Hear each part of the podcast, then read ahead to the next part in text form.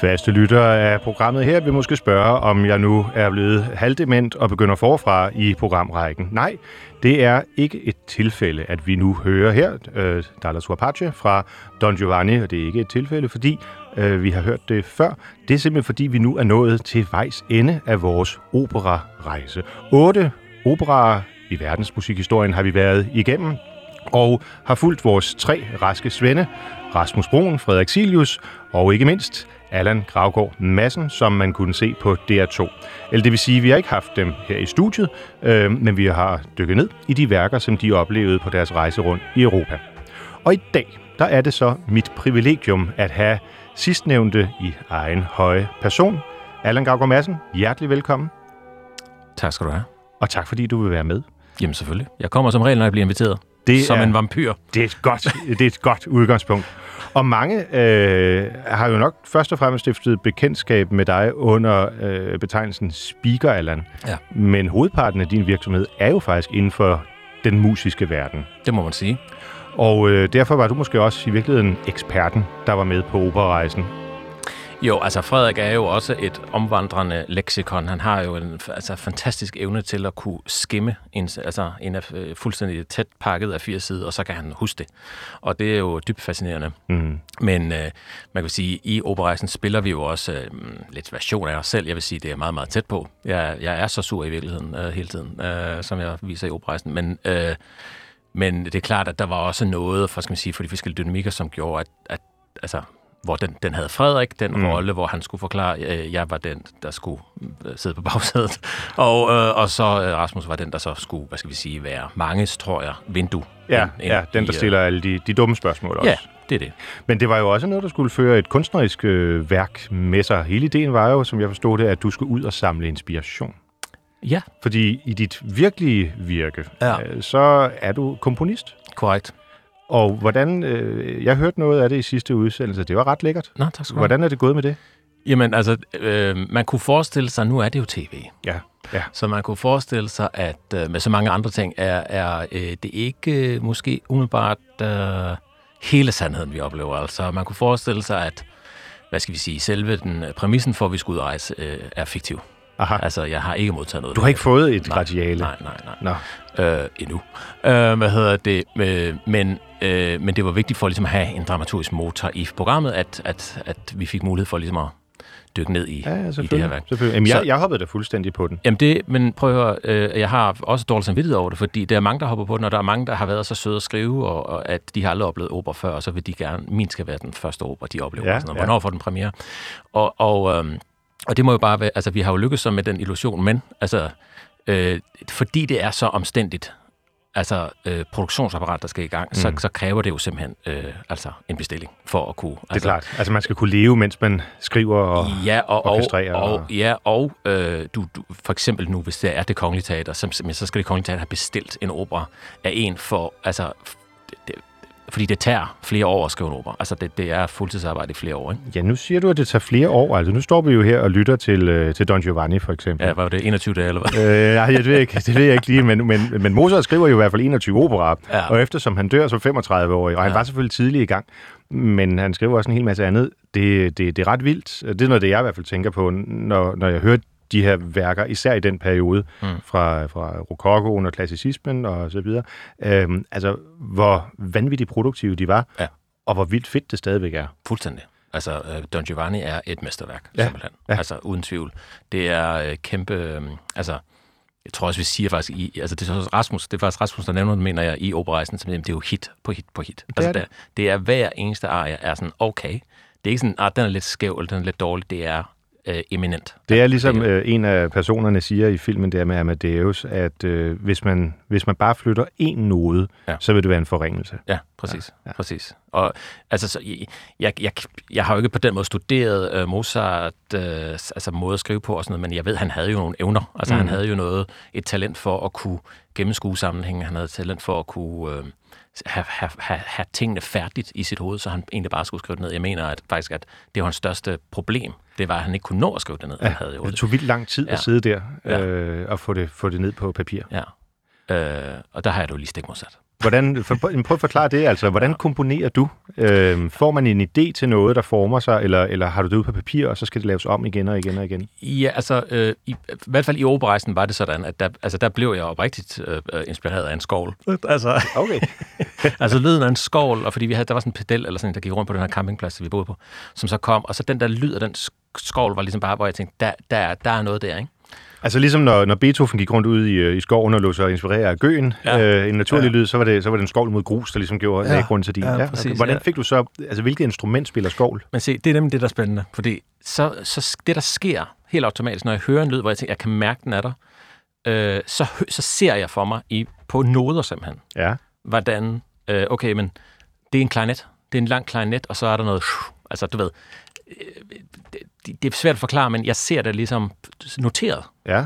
for mig inden for mit indblik. No. Og så prøver jeg at skrive det ned, og så, og så prøver jeg at huske lyden. Okay, men vi har både en tone, vi har en støj, vi har forskellige ting. Okay, men støjlyden, det er så noget papir eller nogle plastikposer. Ja. Øh, i, I programmet brugte jeg det der. Øh, tonen af klarinetterne øh, og strygerne, øh, du ved. Altså, så, så jeg prøver ligesom at omtyde nogle af tingene. Og det, så det er sådan en, en modelleret voksfigur, der langsomt bliver bygget op. Ja, ja. Jamen, hvordan pakker man det så ind? Altså, du siger, øh, skovlen her, det, det er vel ikke den alene, der er det bærende? Altså, hvor, hvordan kommer du videre derfra? Ja. Øhm, ja, det er spændende. Det er et meget spændende spørgsmål. Ja, det er det. Jamen, fordi... Øh, vi vil helt ind i Allan Grav Vi vil helt ind i mit, min krøllede kreative hjerne. Øh, nej, jamen, jamen, det er jo øh, det er jo nok i virkeligheden, øh, øh, hvad skal vi sige, den ultimative udfordring for komponister i dag. Det er jo form. Altså, hvad, hvad, altså fordi vi, vi har fundet ud af, hvor, hvor meget kan vi presse tonaliteten til? Altså, hvad kan vi rumme egentlig? Hvor, hvor, hvor længe kan vi klare en spænding? Altså, ja. Tristan Isolde, så først et kommer ja. der til sidst. Alle de der ting. Øhm, øh, vi har lavet krasse akkorder, som, altså vi har lavet støj, vi har arbejdet med alt, men hvor længe kan Nedbrudt, vi... Øh, og hvad hedder det, oktaverne og så videre. Alt det der. Vi, ja. har, vi har presset, alle parametre er presset ud til det sidste.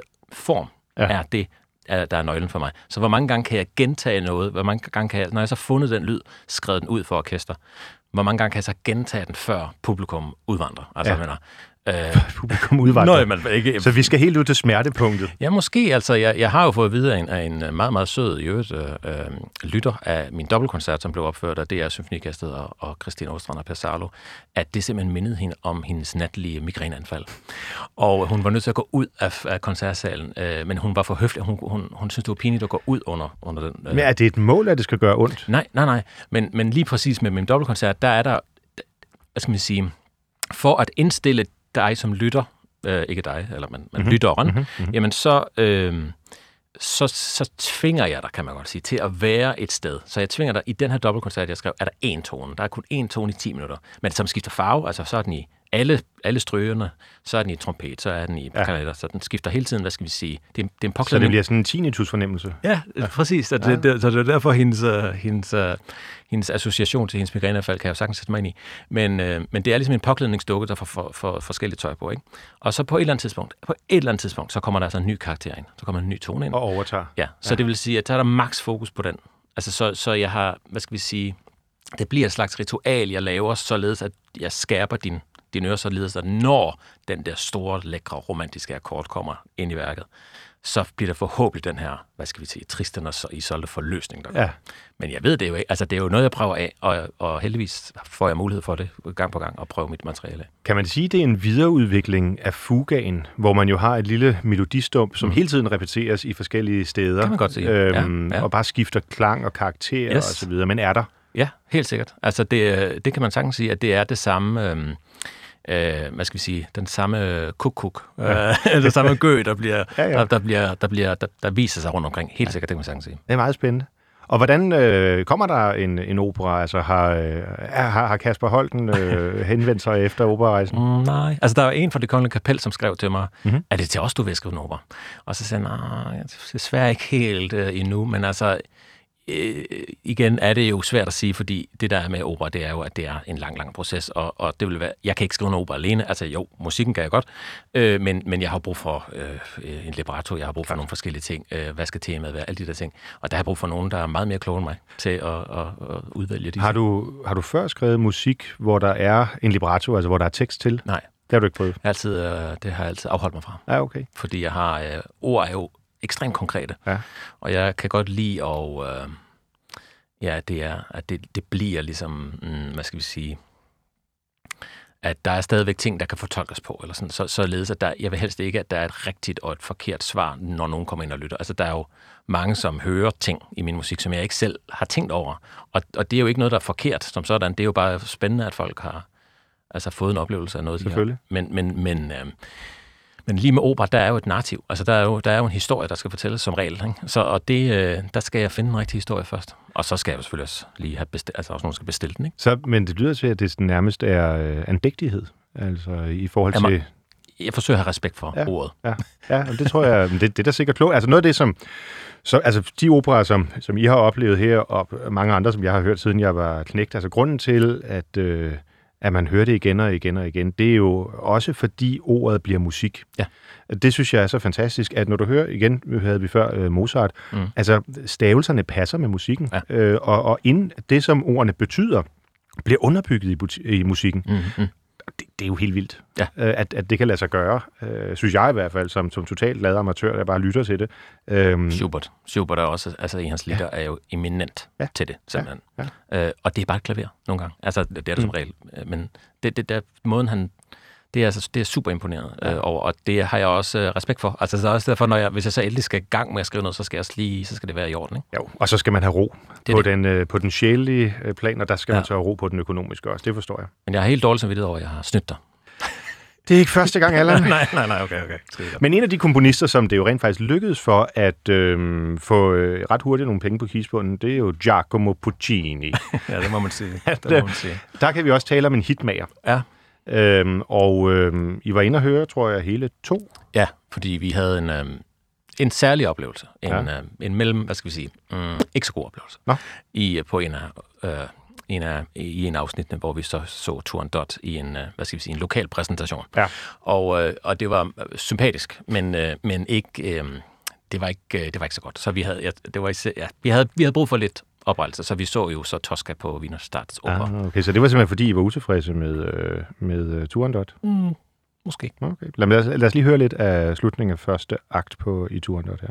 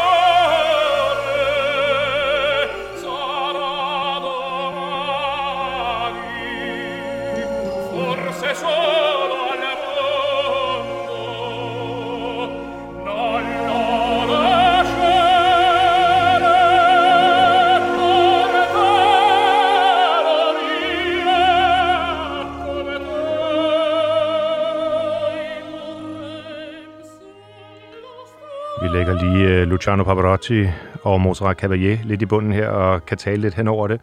Hvad, hvad for orkestreringen her, uh, hvad, hvad tænker du om det? Uh, Det er meget spændende, du spørger, for jeg sad faktisk og tænkte, åh kæft, det er lækkert, det lyder lækkert. er det fedt, ikke? Ja, og så, altså det er jo de der stryger, stryger har dæmper på, så vidt jeg lige kan høre, og sådan, um, og det, altså, det klinger bare sindssygt godt, ikke? Ja. Og så, altså, man bliver man kan jo, altså, det gør jeg i hvert fald, det tror jeg også måske, du gør, Morten, bliver bjergtaget af, altså, Luciano Pavarottis, Ja. ja. øh, altså, um, tilstedeværelse. På, altså, han, han, han, han fortæller historien, ikke? Præcis, Men præcis. man tror på ham, Ja. ja. og så tror på det, hvad han Ja. siger. Jamen, jeg tænker, når jeg hører den der orkestrering her, øh, men selvfølgelig med hans stemme også, det er sådan for mig et stjernetæppe, sådan, hvor man sådan ser, det glimter deroppe. Og det er altså strygerne. Ja, præcis.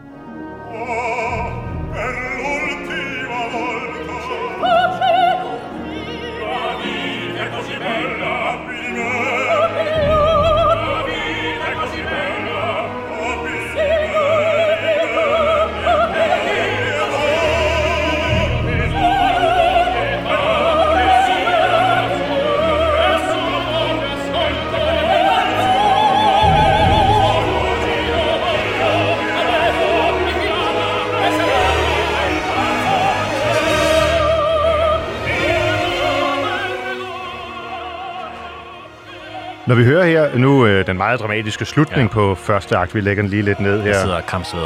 Jeg Er sidder og det- kampsveder. Altså, jamen, er bliver ikke- man- Jo, man bliver... Man bliver bevæget. Bliver man også inspireret, når man er komponist? Ja, det, selvfølgelig gør man det. Altså, det er jo, det er jo klart, at, at øh, øh, den, der, den der evne for uh, dramatik, han har, Mm. mm. altså, er jo, øh, altså i, i det musikale, altså måden, han bygger det op på, Ja. og langsomt, altså det langsomt, langsomt bygger sig op, og der er jo, jeg kan ikke huske scenen, altså det er en eller anden form for diskussion, ikke? Altså, øh, Jo, jo, det er rigtigt. Øh, Kalaf er blevet forelsket i Turandot, vil slå på gongen for at udfordre hendes prøver, og hvis han ikke gør det, så dør han, og det er Liu her, som er forelsket i ham, der prøver at tale ham fra det. Ja, og, hans, og faren står, den Præcis. Timur. Ja, det er fuldstændig Jeg rigtigt. tror, er det ikke nu, der, hvor, han, hvor, han, hvor han synger Turandot, og så er der en i, i kulissen, der synger. Præcis. Og- Lad os høre det.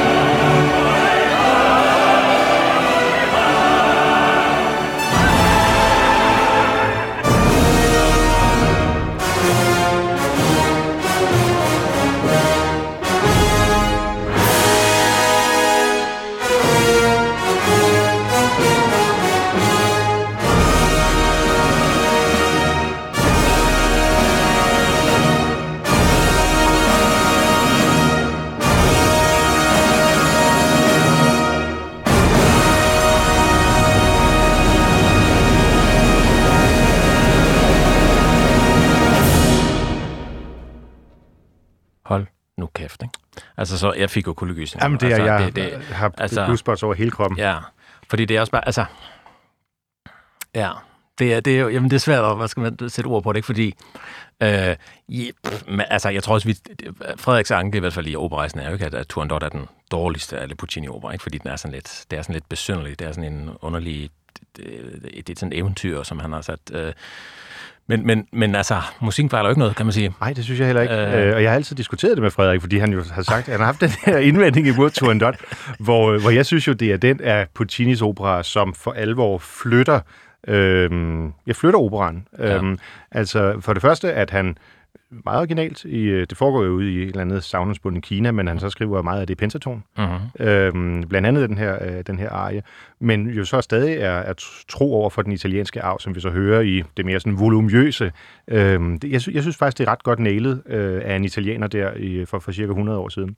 Ja, altså, ja, ja, det er jo spændende. Altså, jeg, jeg må jo være helt ærlig, jeg, det er rigtigt nok, hvis jeg ligesom, øh, øh, hvad skal man sige, tænder min hjerne, hvilket er meget sjældent, øh, der sker, men altså, øh, så kan jeg jo godt høre de der ting, du også siger, men for mig er det mere, øh, altså fordi jeg er så optaget af klang, altså det er simpelthen den måde, orkestret bliver brugt på, og det der med, mm, altså pauken kommer ind lige præcis på det Ja. rigtige tidspunkt, og, Ja. og, og øh, du dun bum, siger det bare, ikke? Altså, Præcis, ja. det er et studie, eller jeg ved ikke, om det er, jeg tror, det er et studieindspilning, ikke? Ja, altså, det er det. Med og- Sir George Salty. sådan. Ja. Stå, inde i, stå inde i det rum.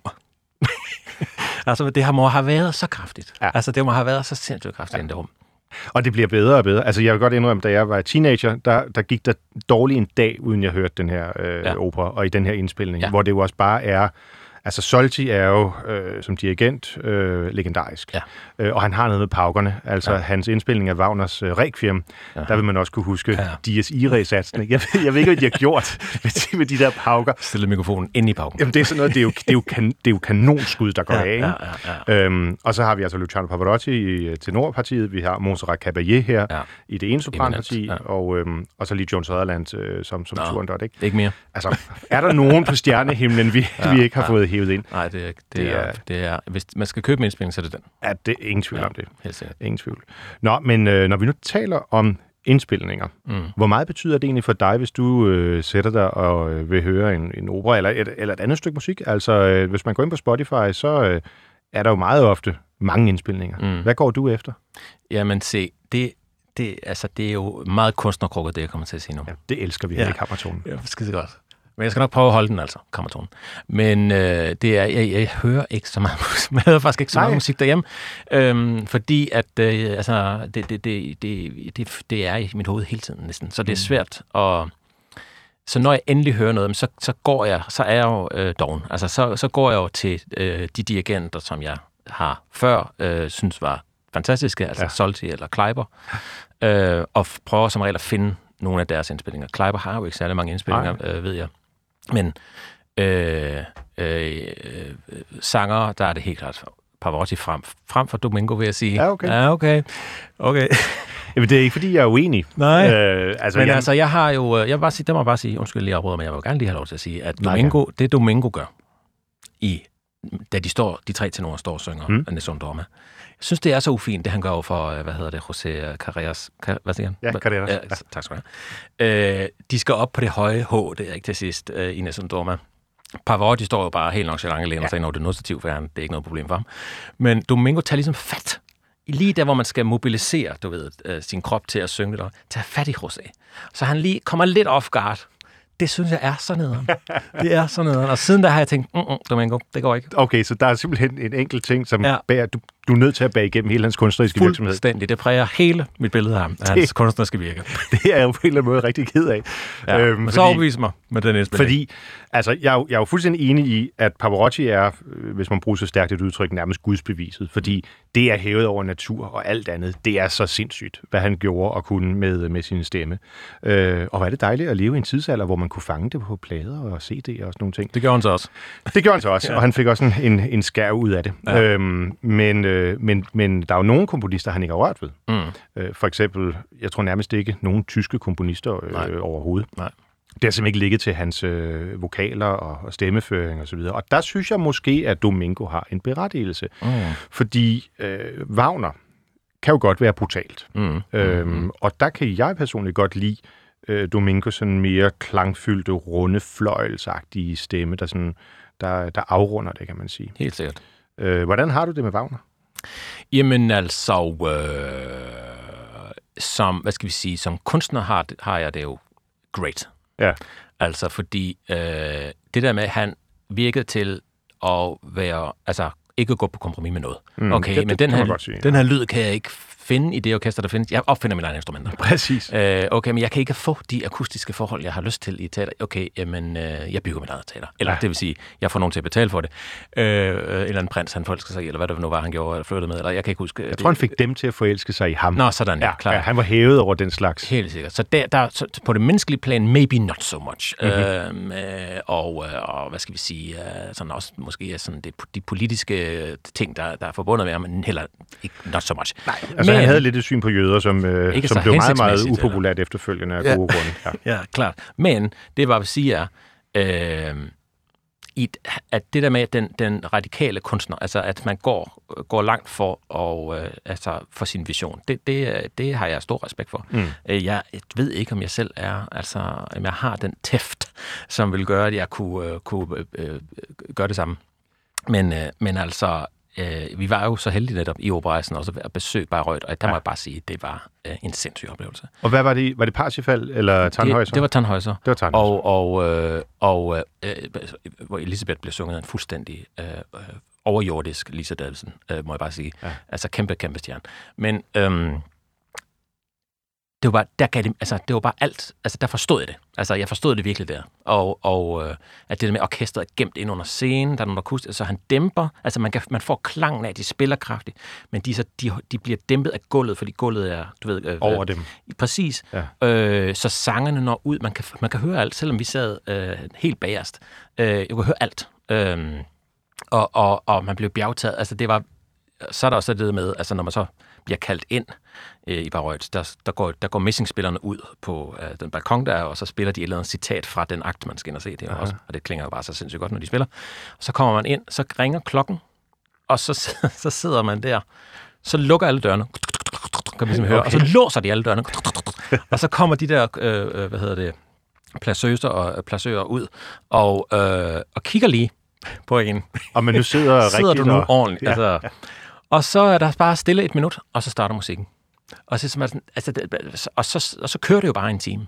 eller, øh, Eller tre, hal- eller halvanden, ja. Ja, ja. Så er der lige en times pause indimellem, og sådan noget, man tænker, det er alt for langt, det er alt for langt, men det er ikke alt for langt, fordi du får, du får tid til lige at tisse af, øh, spise lidt, tale med, hvad har du egentlig oplevet, tale med, med de andre publikummer. Øh, når man nu er der et kvarter tilbage, når man øh, skal lige tisse af igen, ja, fint nok, og så ringer de ind, og så, øh, og så kører det en time mere og sådan noget. Så det er en event, altså det er en, det er en ud af kroppen oplevelse simpelthen. Jeg har aldrig været der. Nej, øhm, det, det, men, men, alle, men der har mulighed for det, skal gøre det. Og alle, der har været der, øh, er betaget. Ja. Og det er noget, man begynder også meget tidligere end normalt, ikke? Øh, Er det ikke sådan hen ad eftermiddagen? Jo, jo. Så man Jo. går ud og spiser bagefter? Ja, for eksempel, ja. ja. Altså, der, byen Bayreuth er ikke så spændende, øh, vil jeg sige. Det er, det, det er mest det der øh, teater, det der ja. sker omkring der, som er spændende. Men øh, øh, en lille rejseguide. Ja, det er udmærket. Ja, Ja, men, til folk, men, der måtte befinde sig i området. men ideen om, at en komponist har øh, fået bygget et teater for, at det kunne være det optimale sted til musikken, øh, er, jeg, altså, er jo fuldstændig vanvittigt. Altså, ja. det er jo en vanvittig idé. Og, øh, og det, øh, der, det, det kan jeg ikke andet end at tage hatten af for. Og jeg er helt enig, og øh, altså, du siger ordet kompromilløs. Øh, Det ser man på mange måder hos Wagner, og jeg kunne tænke mig at spørge dig, Allan Gravgaard Madsen, også når du har skrevet et værk, genbesøger du det så efterfølgende? Altså kan du finde på fem år efter at lave en ny version? Nej. Det gør du ikke. Ikke mere. Altså, det kunne måske i mine unge dage. Nu er jeg jo en ældre herre på 38 øh, efterhånden. Og så er man jo ikke ung komponist længere. Det er jo sådan, når man bliver 40, så er man jo ikke ung komponist længere. Altså din alder var Mozart jo død. Ja, det er det. Han var blev altså 36, ikke? Og øh, tror jeg, var det ikke sådan? Jo, Ja, 36. 35, ja, okay, ja. Og, og jeg tænker man, altså... Øh, øh, det er jo altså også Mendelssohn og sådan noget, som skrev, ja. altså, som skrev sin hvad, strygoktet, den var 15 eller sådan noget. Altså, det er også bare...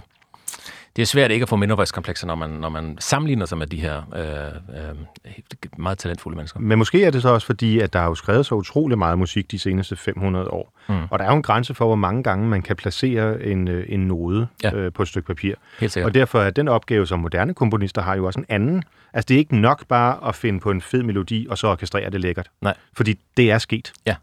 Og der har jeg det sådan lidt, jamen, øh, og det er også det med opera, altså igen, altså, skulle jeg have lyst til at skrive en opera? Jamen, når der, der findes så meget godt, så altså, øh, if it ain't broke, don't fix it, som man vil sige på engelsk. Øh, og, øh, og, men så snart der er noget, der er rigtigt, og det, det, det er måske der, jeg er radikal, altså, at, at når det føles rigtigt, mm. så, så gør jeg det, altså, og så har, er jeg bare så privilegeret, at jeg som regel har fået lov til at gøre det, jeg har haft lyst til at gøre. Fantastisk. Helt sådan havde Wagner det jo ikke. Og øh, nu skal vi høre lidt af Tannhäuser. Øhm, og det er i indspilningen med øh, Giuseppe Sinopoli, men, øhm, og, altså Placido Domingo, men lad os høre en anden arie end Domingos, bare for ikke at få dig til at trille rundt på gulvet af farvelse.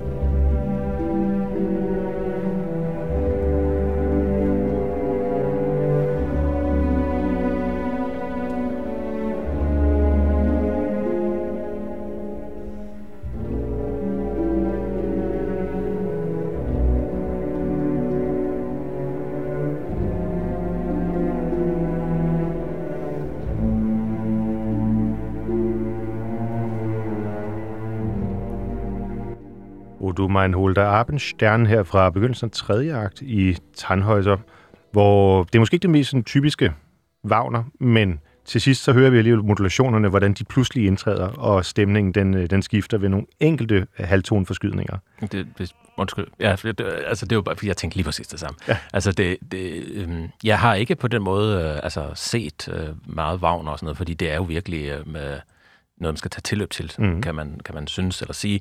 Øh, fordi det kan virke så stort. Altså, og, øhm, men da, da vi så Tannhäuser, altså, jeg, der hæftede jeg mig netop ved det der øjeblik. Altså, Ja. øh, Abendstern. Ja.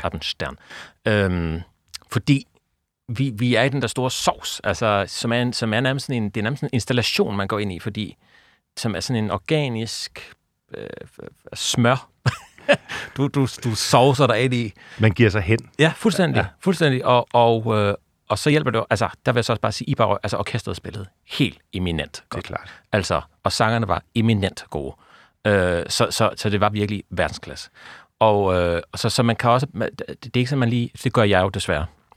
Så snart der er lige, åh, der var lige en akkord, der ikke stemte, eller, mm-hmm. så er jeg væk. Altså, så er jeg ude. Så er der sådan, ah. Det, det er lidt ligesom, når Domingo har rørt ved karrieren Ja. på det forkerte tidspunkt. På, Så er jeg ude. så kan jeg Så aldrig out. mere. Ja. og, og, og der var bare ikke, altså, der var ingen, jeg, jeg husker ikke, som om der var noget som helst. Nej. Altså, og, og Jeg tror også, at hvis man laver de fejl, så, så er du ude. ude. Så er du ude. Det, det, det er en nulfejlskultur, vi arbejder med i Vagners Og af den grund er jeg ude. Ja. Øh, hvad- så nej, men så da, det er bare, så når der så opstår de der små momenter, af, altså, som er jo en, jo en decideret, altså, man sige, en sangbar arie, som Ja. Armstander, så, så lyser den bare op, altså Ja. ja. på, på en helt anden måde, øh, fordi den pludselig bliver mere, hvad skal vi sige, ren, eller den er ikke, den, der er ikke så meget slør på, altså af de der forskellige harmonier. Det, det kunne lige så godt være en superlead. Ja. Øh, ren melo- melodien. Mm. Og så er der lidt med orkestreringen nedunder, men, men, men det er ikke sådan meget vagnersk. Og det gør måske også, at det så bliver så specielt. Helt sikkert, det tror jeg. Hvordan, øhm, hvordan har du det så med Fidelio og Beethoven? Se, det er spændende. Ja. Øh, for jeg, fordi jeg har sådan en fornemmelse af, at han er blevet... Altså, jeg har, jeg har sådan en, en fornemmelse af med Beethoven, at han ikke bryder sig om andre mennesker. altså, han, han, han har skrevet Fidelio... Altså, historien er jo ret særlig, fordi... Øh, det er dermed, altså i 1800-tallet, det var en øh, kvinde... Hvornår er den nu fra? 18, Øh, 1807, tror jeg. Okay, ja, ja, så det var lige i starten. Ja. Altså, det er, det er jo en kvinde, der er helten. Ikke? Ja, det er jo, ja. øh, øh, kvinden klæder sig ud som en mand øh, øh, for at redde sin mand i fængsel. Ja. Øh, afslører. Øh, altså, så det er også et, spil på hele det der med bukserroller. Ikke? Ja. Øh, og, og, og det tror jeg, hvis man ser operejsen, det, det fattede jeg jo heller ikke. Altså, jeg fattede jo simpelthen ikke. Altså, jeg, havde fået, jeg vidste det godt, men jeg, men alt det der med, at en kvinde tager en beslutning om at klæde sig ud som mand for at redde sin mand i fængsel, Ja. det er jo noget, der sker inden operan starter. Absolut. Jeg troede, man så det i starten, så jeg kunne ikke forstå, Nå, så det er sådan en ny, ny uh, alternativ opsætning, hvor der er en kvinde, der spiller. Altså, jeg forstod det slet ikke. Uh, men, men uh, Det forvirrer måske også lidt, at man bare kalder den Fidelio, fordi den, den fulde tekst er jo noget med øh, Eleonora og hvordan hun redder øh, sin mand. Ja. Så, okay, så den har været en forklaring Ja, ja, ja, i en ja, subtekst. Men, men det der er med det, det er, at, at da, jeg, da vi sad og oplevede det, det, han, det er ligesom om, han, han, har, han har mødt begrænsninger hos den menneskelige stemme, som han ikke behøvede at imødekomme med instrumenter. Altså det, det berømte citat, øh, som jeg så ikke ved om er helt historisk korrekt, men det der med, at øh, hans violinkoncert, der blev skrevet, og så, så øh, solisten, der skulle opføre det, sagde, at den er uspillelig. Ja. Og så sagde Beethoven, hvad rager øh, din violin mig, når ja. ånden er over mig. Altså, ja. sådan ting. Fix, få det ordnet. Øh, og det er jo en fantastisk evne bare at kunne, kunne og, og nu er den jo altså en af de mest opførte ja, ja, overhovedet. ja, ja. Præcis. Men, men, øh, men det, jeg, tror, jeg tror helt ærligt, at, at det er fordi, jeg synes ikke, det, det kling, altså, det er ikke sådan, mm, det er ikke sådan, man tænker, wow, det er hittet. Nej. Eller det er sådan, ah, der, det, det, det er det fede fra jeg, er- jeg er fuldstændig enig. Altså, hvis det stod til mig, så kunne man fjerne stemmerne, og så havde du to fine symfonier. Ja, øhm, altså, i første og anden akt. Der er ikke tvivl om, at Beethoven, han... Det, man kan egentlig også godt høre det i hans oratorier og sådan noget. Altså, det er ligesom om, at det, altså, det er for brutalt for stemmen. Ja. Der er ikke noget med, at man tænker, men her øh, går den musikken i, i, i, i, øh, i stemmen ned, så det skal jeg underbygge. Ja. Nej, altså, Ja. det er orkestret, der er vigtigt. ja, ja, ja. Og så må sangerne bare følge med. Ja. Øhm, og øh, jeg ved ikke, om, om, om du ved det, men, men derfor, den, den fik jo også en ekstrem kølig modtagelse i København i sin tid, mm. øh, da den så kom hertil i, ja, jeg tror op i 20'erne eller sådan noget. Han, Beethoven dør i 1821. Jeg tror først, det er deroppe, den kommer. Men, men, øh, men af samme årsag øh, tog man så nogle tyrolere med, Ja. øhm, som ja. så blev de første syngepiger, Ja, klart. der optrådte i pausen, fordi så kom folk ind for at se anden akt, ellers så var de skrevet. Ja, klart. Jeg synes måske ikke, det er helt fair. Altså, der er noget af det, der er fedt. Blandt Mm. andet afslutningen, som jeg synes, vi skal høre lidt af. Mm. Øhm, og så må lytterne jo selv vurdere. Hvor så I Fidelio hen? Kan du huske det? Sådan i Berlin. I Berlin. Okay, Unter ja. der Linden. ja, okay. Jamen, lad os høre lidt her fra, fra, fra afslutningen. O namenlose Freude. So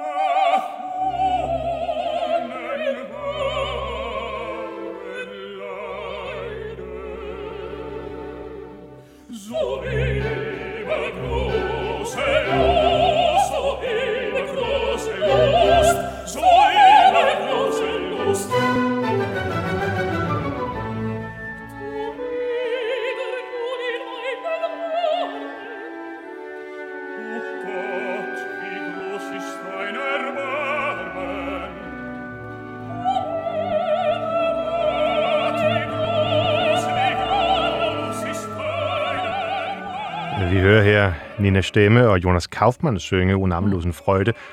Prøv at lægge mærke til orkestreringen nedunder. Altså, jeg synes, det lyder fuldstændig som en af hans symfonier. Jeg ved ikke, hvad du tænker, Jo, jeg er helt enig.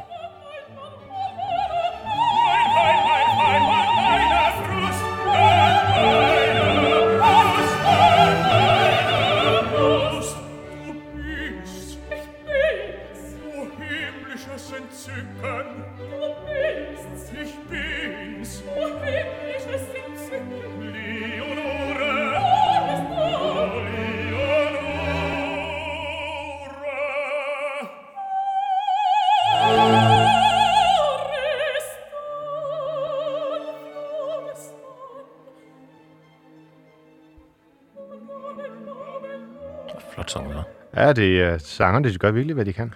Altså, det, det, det der med, altså med hmm, og det er også lidt svært at forklare det, jeg kommer til at sige, men altså, det, man, han er lidt mere opfindsom i orkestret. Altså, øh, det, måden, de forskellige instrumenter ligesom danser rundt om hinanden hele tiden, og, og, og bas og bub, bub, bub, og, altså, den måde, han, de teksturer, han ligesom laver, Mm. mm. altså med bas, akkompagnement, melodi, Øh, så er der nogen, der lige spiller melodi, så er nogen, der ligesom spiller et eller andet, blablabla. Du ved, altså, det, det, er mere opfindsomt simpelthen, end det, han, det, han gør for stemmerne. Ja, jeg er meget enig. Det som, øh, altså jeg synes, Beethoven er en af de absolut mest interessante komponister, og også i forhold til det, vi, vi talte om med Puccini før, altså en komponist, der tager musikken et andet sted hen, end der, hvor han ligesom bliver født. Det gør Beethoven jo. Det er ligesom ham, der grundlægger hele romantikken og øh, baner vejen for Brahms og, og så videre. Enig. Men så er det her jo skrevet i komplet døvhed. Ja, Det er jo også, det, det er jo også en lille smule øh, mindreværdskompleks. Øh, Det kan godt være, det er derfor, han var lidt, lidt, lidt ondt i sulet på resten Ja. af verden. Ja, han kunne heller ikke høre dem jo. Så, Nej, det, man kan jo ikke høre, de råbte der. Ja, nej, det er selvfølgelig rigtigt nok. Hvor meget betyder det for dig, når du komponerer, Allan Gaugaard Madsen, at du kan høre din musik, altså gå til et klaver eller andet og spille temaerne igennem? Ja. Altså, men det er, jo, det er jo dybt afhængig af, fordi jeg har ikke, det kan måske godt træne op, men der er igen for doven. Øh, nej, men altså, det, det der med, altså, øh, de har jo haft en helt anden faglighed. Altså, Beethoven har kunne, som jeg forstår det, jo via, altså sætte en pind i panden, og så ned i klaveret, så han kunne mærke på vibrationerne, okay, øh, stil, kling, altså hvordan klinger det, og har, Ja. så har han jo haft et fuldstændig teoretisk, øh, øh, fantastisk overskud, så han jo også bare har vidst, når, man, når jeg laver den akkord, så spænder den over til den akkord, så bliver det opløst på den måde. Altså det har han vidst, det har han kunne se. Ja. Øhm, så han har jo ikke kunne lave korrektur, når han stod og dirigerede, eller hvad han nu gjorde, ikke? Nej, og der går jo historier om, at altså, han insisterede jo på at dirigere og spille øh, sin sidste øh, øh, klaverkoncert, mm. øh, Kaiserkoncerten, Mhm. mm. øh, og, og det gik fuldstændig galt. Ja. Øh, fordi han dirigerede efter, hvad han synes, det skulle være, og hvor han tænkte, de var, og orkestret var jo fuldstændig de kunne andet sted. følge med, eller- nej, nej. nej, nej. Det er det. Men øh, nej, men altså, jeg, jeg, jeg har skrevet en strykotat på et tidspunkt, som starter med sådan nogle meget, meget, meget, meget, meget, meget lyse, lyse toner, ikke? Ja. Og min øh, kære far, han kunne ikke, øh, han sagde, "Men det, hvorfor de bevæger ligesom burene, de der, men jeg kan ikke høre nogen. Og så tænkte jeg, åh nej. Øh, og jeg kunne fint høre det, fordi Ja. jeg hørte de der lyse, lyse toner. Og så tænkte jeg, hmm, det er derfor meget af min musik har, altså, er lys. Det får din far ikke kunne høre det. Ja, simpelthen for, Ja. han kan pege fingre det. Nej, øh, det er jo fordi, at nu kan jeg høre det. Så lige om lidt, så kan jeg jo ikke høre det. Så jeg tænker, at øh, på sigt over min forhåbentlig øh, lange karriere, øh, så bliver min musik dybere og dybere. Aha, okay. Så Ja, du, du, du, du skriver efter, efter den menneskelige øres anatomiske øh, udvikling. Simpelthen, ja. ja, ja. Det kan man jo også sige lidt om Beethoven. Altså, der er i hvert fald onde tunger, der vil, øh, har hævdet, at at grunden til, at 9. symfoni er så brutal, altså det er et, et råb om at kunne Hør det. få lov at høre noget igen. Ja. Det må også være en vanvittig oplevelse, at, at være en af de mm, lyseste stjerner på Europas musikhimmel, og så bare finde ud af, at man øh, er ved at miste hørelsen. Det, er jo, altså, det må jo have været frygteligt. Ja. Altså, og øh, altså, ja. Altså, jeg, jeg tænker netop øh, Beethovens 9. symfoni som et, altså, jo, slutter med det her kæmpe håb, ikke? Altså, Oder die Freude. Absolut. Og, og, og altså, så, så, så selvom han måske har været... I, tror jeg, jeg, jeg kan kun basere det på den musik, jeg har hørt. Jeg, jeg har ikke læst biografi eller noget sådan. Så det er sådan en, en, en, en, en, um, en særlig karakter, har han sikkert været. Ja. Altså en besværlig person, sikkert. Øhm, så er der jo, altså, så er det der håb, der er til sidst i den 9. symfoni jo ekstremt rørende. Ikke? Jo, jo. Altså fordi han trods alt øh, har, har brugt det, tror jeg. Han var jo en revolutionær øh, af Guds nåde, må man sige. Ikke? Øh, og øh, øh, det bliver han, allerede inden han er, inden han er, er, er, er døv, der øh, bliver hans musik jo meget inspireret af politiske begivenheder.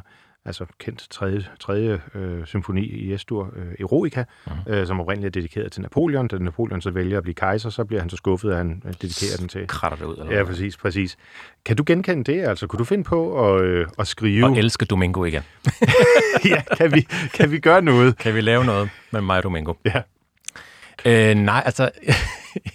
altså, ja, hmm, Nej, men Ja. det her med at lade sig inspirere også af, af politiske begivenheder, og bruge musikken politisk. Kan man det i dag? Det kan man helt sikkert. Selvfølgelig kan man det. Man kan, det, man kan bruge musik til alt jo. Altså, altså det er jo øh, altså, musik er reklame, musik er film er jo lavet til manipulering. Så, så øh, til, til lytteren hen til den følelse, man gerne vil skabe, eller man kan jo også bruge det til at manipulere hen til et budskab, man gerne vil. Ikke? Altså, der er jo også en grund til, at, at, at, øh, altså, at de forskellige præsidentkandidater i USA går ind til en særlig musik, som har et eller andet, altså power eller et eller andet. Altså, så det er det, jeg vil signalere. Så man, selvfølgelig kan man bruge musik til alt muligt. Jeg har ikke, jeg tænker, det, jeg har ikke selv tur Mm. tror jeg vil. Jeg, jeg, er jo meget, jeg, jeg er bevidst om, at det, man kan gøre det, men jeg, har ikke, jeg bruger ikke på den måde min musik til at pushe et særligt øh, politisk øh, budskab. Det, det, øh, der, holder, jeg- der er jeg Schweiz. Der er du Schweiz. Du er neutral. Ja, der, der forholder jeg mig Det kan også være, at man skal være, måske skal man være økonomisk uafhængig, før man begynder at gøre det. Ja, klart. Øh, det er, er, jeg, er jeg ikke det? Eller det ved jeg ikke. Er i forhold til det, vi talte om før, med at få fundet, hvis man skal til at skrive opera. klart, ja. Fordi øh, øh, hitmageren øh, over dem alle, bortset fra... Ja, Nå. okay, over dem alle, nej, måske ikke. Ej, jeg vil faktisk frem til Puccini. Nå, ja, okay, okay, nå, nej, det kunne okay. også være ham. Ja, klart. Jeg vil frem til Puccini igen. Ja. Øh, ej, der er mange hits øh, derude. Øh, men øh, han øh, var jo ikke bange for at, øh, at, at i hvert fald bygge sin opera op om, øh, om, om også politiske hændelser. Og jeg tænker selvfølgelig på Tosca, Mm. øh, som jo igen er, er et, øh, altså Cavaradossi, som er, er helten, og tenoren er jo tilhænger af Napoleon Bonaparte- Bonapartes øh, revolutioner imod øh, tyranniet og så videre. Og det var også en af dem, I oplevede på, Mm. på jeres operarejse. som for mig at se er den, den, den ultimative opera-fortælling. Ja. Altså, den måde, den historie er skruet sammen på, er eminent. Ja. Simpelthen. Det er ret godt. Og også, altså, Puccini var jo en af dem, der virkelig arbejdede sammen med sine librettister. Altså, der må have været et, et fast sendebud imellem hans, øh, hans overflodsvilla oppe i Norditalien og så Rom, hvor, øh, hvor, hvor, ja, hvor de har kommunikeret frem og tilbage. Men han kørte vel, altså det- Puccini, som jeg forstår det, øh, var det første medlem af den italienske automobilklub. Så han kørte vel bare frem og Sikkert. tilbage. Ja, eller, eller sendte et bud, eller et eller andet. Jeg, jeg, tror, altså han blev jo, øh, især efter Manon Lescaut og La Bohème, blev han meget, meget velhavende. Ja. Øh, og han, han nød det i fuld drag. Jamen, det kan jeg godt forstå. Det vil jeg så nok også. Hvis jeg nogensinde kommer til penge. Ja, det er da ikke, det er da ikke usandsynligt med de øh, komponistevner, du har. Nej. Øhm, men Tosca, hvor Ja. så I den? Den så vi i Wien. Ja, i, øh, i en ældre opsætning. Altså, det, det er jo det der med, at så de, de operahus der, så har de jo en opsætning for lavet, der er kulisser, det er jo sindssygt dyrt, ikke? Mm. Og så spiller de den opsætning, skifter sangeren ud i ny og næ, øh, i flere år, ikke? Så ja. den, jeg tror, at den opsætning, vi så, var fra 1958. Eller sådan Wow, noget. okay. Og det var altså, altså, det må jeg bare sige, kulisserne var, det var eminent. Ja. Altså, øh, fordi der blev brugt perspektiv på en måde, så man bare fornemmede, at den her kirke, som øh, første scene starter i, var altså gigastor. Ja. Altså kæmpe, kæmpe, kæmpe stor. Og til sidst i første akt, hvor det her Tedeum kommer, øh, der kom bare et, et, et, altså et optog af, altså af statister, som, jeg fand, som man kunne måske få en til at tro, de første statister løber ud og skifter kostume. og så løber ind igen, og så bag- soldater, fuldstændig, der- fuldstændig. der vender rundt. Fordi det er, der var måske, jeg ved ikke, 200, øh, 300 øh, statister, som bare blev ved med at komme ind. Det må jo også have lyttet fantastisk. Altså, Det lyder helt i, fantastisk, ja. øh, Jeg synes, vi skal høre slutningen af første akt der med, med Te Deum, hvor Scarpia, øh, førsteklasse skurken, Skurken, øh, ja. er, er forelsket i Tosca Mhm. og planlægger her, hvordan han skal få hende imod hendes vilje og står herinde. Og egentlig er det Te Deum, der begynder altså en, en Til Gud. hyldest til Gud, Ja. men det ender så at blive øh, en hyldest til, til Tosca. Skal, vi lige, øh, skal vi lige høre her Cheryl Milnes.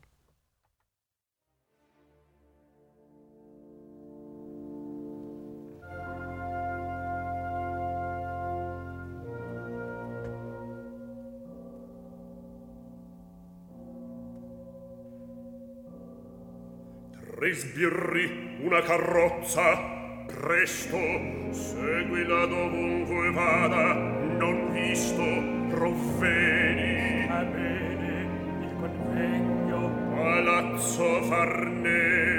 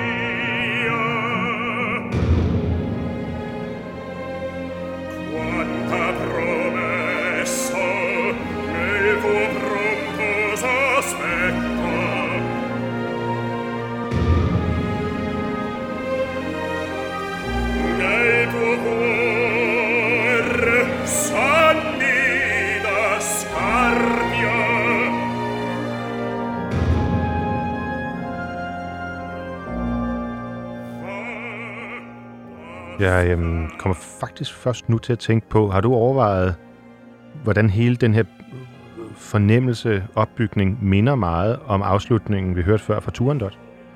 Ja, Altså, kan du, kan du følge mig i forhold til øh, efter øh, Non Piangere Liu, og så Mm. den der mere legal, eller Ja, ikke ja, ja, ja. altså, sådan opbygningen.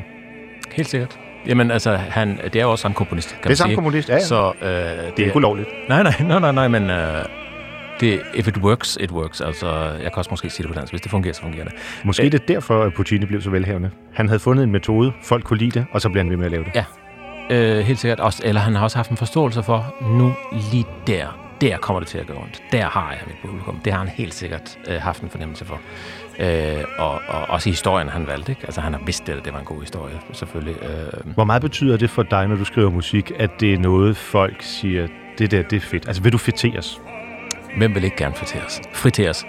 Øh, I al den øh, ros, man kan få.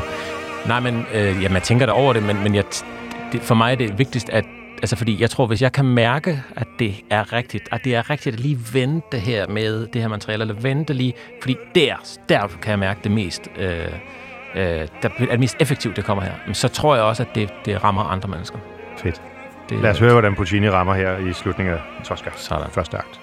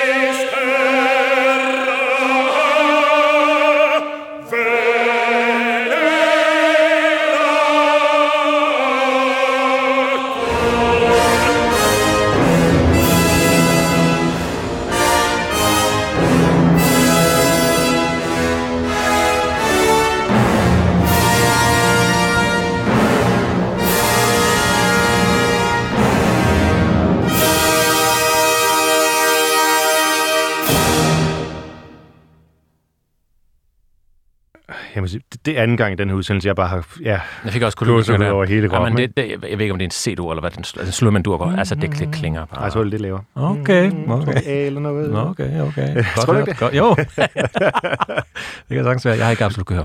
Men, øh, men altså, øh, altså, så kommer hans, ligesom hans tre toner, eller Ja. hans tre akkorder. Øh, nu kan jeg ikke synge dem, men altså øh, øh, til sidst, ikke? Altså de der ondeste, ondeste akkorder ja, i hele verden, som hele Tosca starter med, så vidt jeg husker, ikke? Lige præcis. med de der dybe, dybe, dybe messing, diabolske messinginstrumenter. Ja, Ja. Øhm, så så det, det, er, en- det er jo bare en fryd, altså. Jamen, vi har virkelig at gøre med en, øh, altså, ja, en første klasse hit med Han ved virkelig, hvad der rammer den mm. Menneskelige, øh, hvad kan man sige, sjæl øh, ja. I, øh, i, øh, i musikken.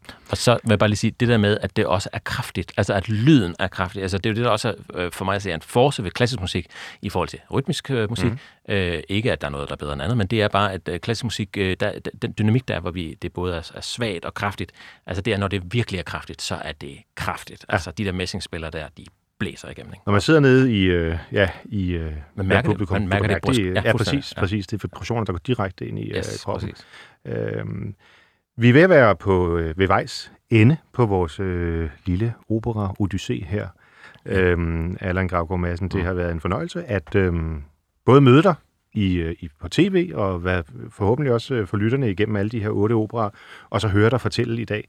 Vi har lige et par minutter tilbage, så prøv at sige bare lidt om, når det nu ikke er en opera, der er det næste, som udkommer med dit navn på, hvad, hvad kunne det så være? Øh, jeg skal skrive en symfoni. Ah, Okay. Så, så det er jo endnu mere mindre værtskompleksen. Øh, øh, men øh, nej, jeg, jeg er jo så øh, igen privilegeret at være huskomponist hos Aarhus Symfoniorkester. Mhm. Mm-hmm. Så øh, takket være Statens Kunstfond og nogle andre, så, øh, så, så jeg har mulighed for at skrive en masse orkestermusik, og det er så til Aarhus Symfoniorkester. Og er der noget øh, tidsperspektiv? Ved vi, hvornår man skal reservere I- billet? Det skal man øh, til øh, sommeren 24, 2024. Okay. Ja, ja, det er jo sådan noget, man arbejder med. Så, øh, men, øh, men man kunne forestille sig, at der var nogle andre ting, der kom ud inden. Okay. Men, øh, men det, øh, det er lidt mere hemmeligt. En lille, en lille cliffhanger. En lille cliffhanger.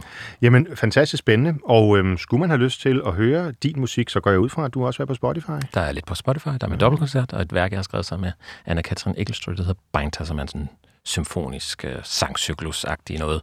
Så har du, kære lytter, fået blod på tanden og vil bare have noget mere af Allan Gravgaard Madsen, så er opfordringen hermed givet videre. Tusind tak, Allan, fordi du ville være med i øh, den her øh, udsendelse. Det var en fornøjelse at se dig. Tak fordi jeg måtte komme.